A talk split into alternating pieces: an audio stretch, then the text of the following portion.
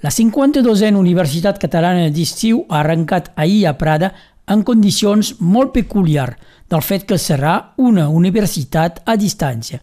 Tot i així, la inauguració s'ha fet al jardí del Centre Pau Casals. Sentim alguns moments de l'acte. El president de la UCE, Jordi Casasses, va iniciar el seu Parlament recordant que fa tres anys, un 17 d'agost, va tenir llocs els atemptats de Barcelona. La pandèmia del Covid-19 ha estat present a tots els parlaments. Una pandèmia global que ha interromput infinitat de coses que ni les guerres havien aturat.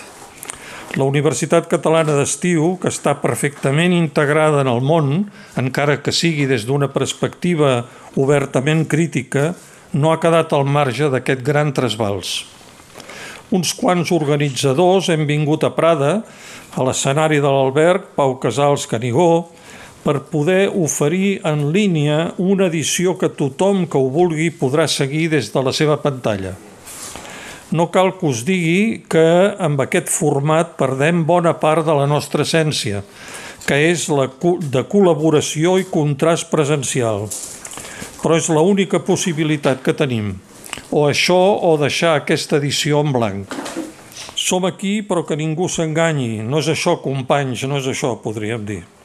La pandèmia ha posat en qüestió moltes coses i n'ha fet evidents unes altres. Ara hem après que som vulnerables, que hi ha coses contra les quals no estem protegits, que algunes coses essencials no es poden comprar. El fet de sentir-nos vulnerables en genera inseguretat i aquesta és la mare de la por.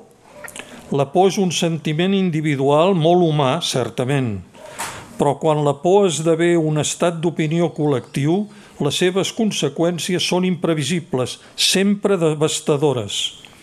Ho hem vist en la història recent d'Europa, quan grans contingents de la població de societats desenvolupades i amb grans índexs d'alfabetització i cultura varen preferir la pèrdua de les llibertats davant la promesa d'ordre, de feina i de seguretat.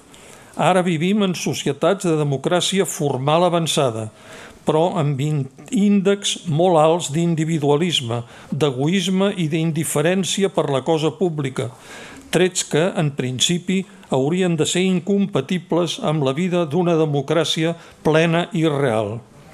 Penso que la Universitat Catalana d'Estiu és un testimoni.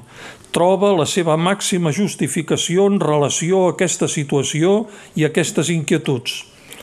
Persistim en aquestes circumstàncies per donar testimoni, ni que sigui online, de que tot i la pandèmia, seguim aquí com un grup de persones que s'entenen activament com a poble i que pretenem, pretenen adreçar aquest activisme cap a la resolució dels grans problemes que tenim plantejats, començant per la lluita contra les inèrcies i els conformismes.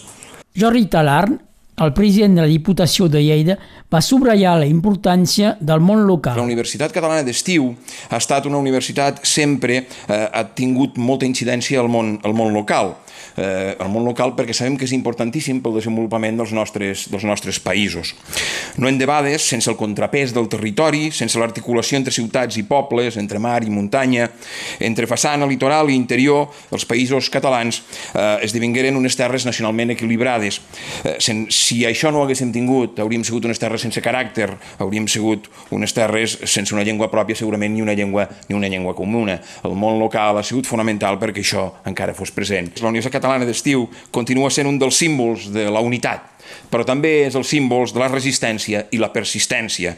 És el símbol de la resistència, la persistència més potent que tenim com a poble, de Salses a Guardamar i de Fraga a l'Alguer.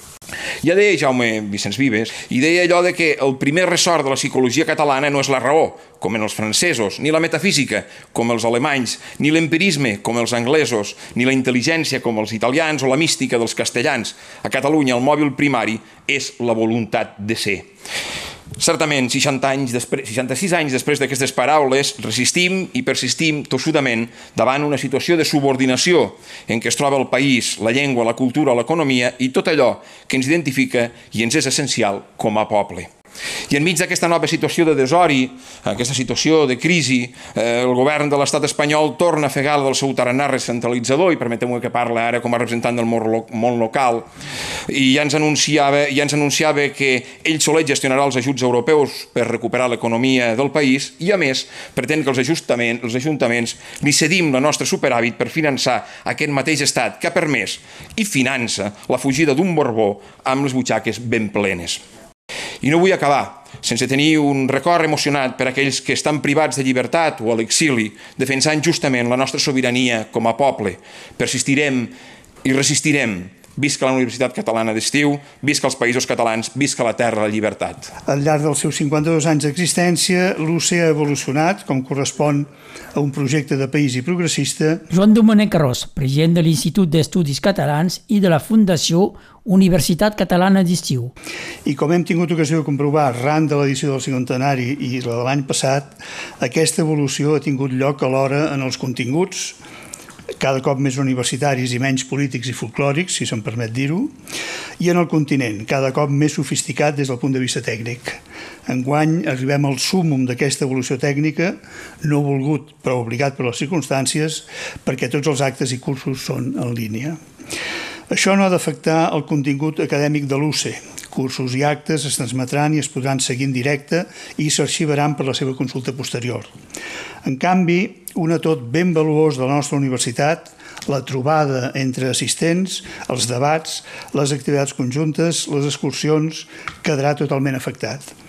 És una llàstima perquè aquest és l'altre gran valor de l'UCE, a més del contingut acadèmic, la convivència i el retrobament, els actes del fòrum obert, el lleure compartit d'alumnes i professors, d'assistents i passavolants de tots els confins de la catalanofonia. Malgrat aquesta UC parcial, mutilada, si es vol, auguro una edició exitosa, sota el paraigua del lema d'enguany, construir el país en llibertat. I faig vots perquè l'any que ve les coses tornin a la normalitat i puguem fer una UC com il faut. Efectivament, el panorama social i polític actual no és el de les dècades dels 60 i dels 70, sortosament, però no està lliure de corrupció, de clavegueres de l'Estat, de manca d'entès entre els partits catalans partidaris del sobiranisme, de monarquia caduca i anacrònica, de persecució del català, d'amiguisme i d'altres tantes nafres que fan de l'estat espanyol el més africà d'Europa.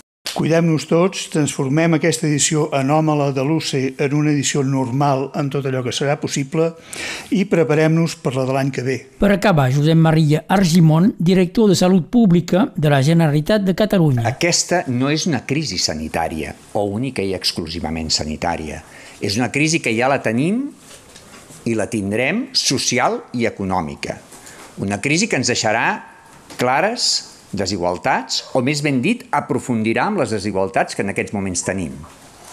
I qualsevol societat que vulgui ser una societat pròspera i cohesionada requereix reduir i intentar revertir aquestes desigualtats. Per tant, altre cop, és sortir en col·lectivitat i solidaritat.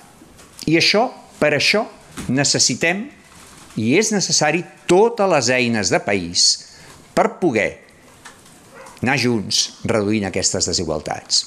Però aquests confinaments darrere poden portar-nos una idea, jo crec que a una idea de pèrdua de llibertat més enllà. I això hem d'estar tots molt amatents, de pèrdua de llibertats individuals i col·lectives. Molt i molt amatents. El que ens pot semblar necessari, i ho és probablement, d'aquí uns mesos, esperem, si tenim doncs, eh, vacuna, etc etc. D'aquí uns mesos no ho serà.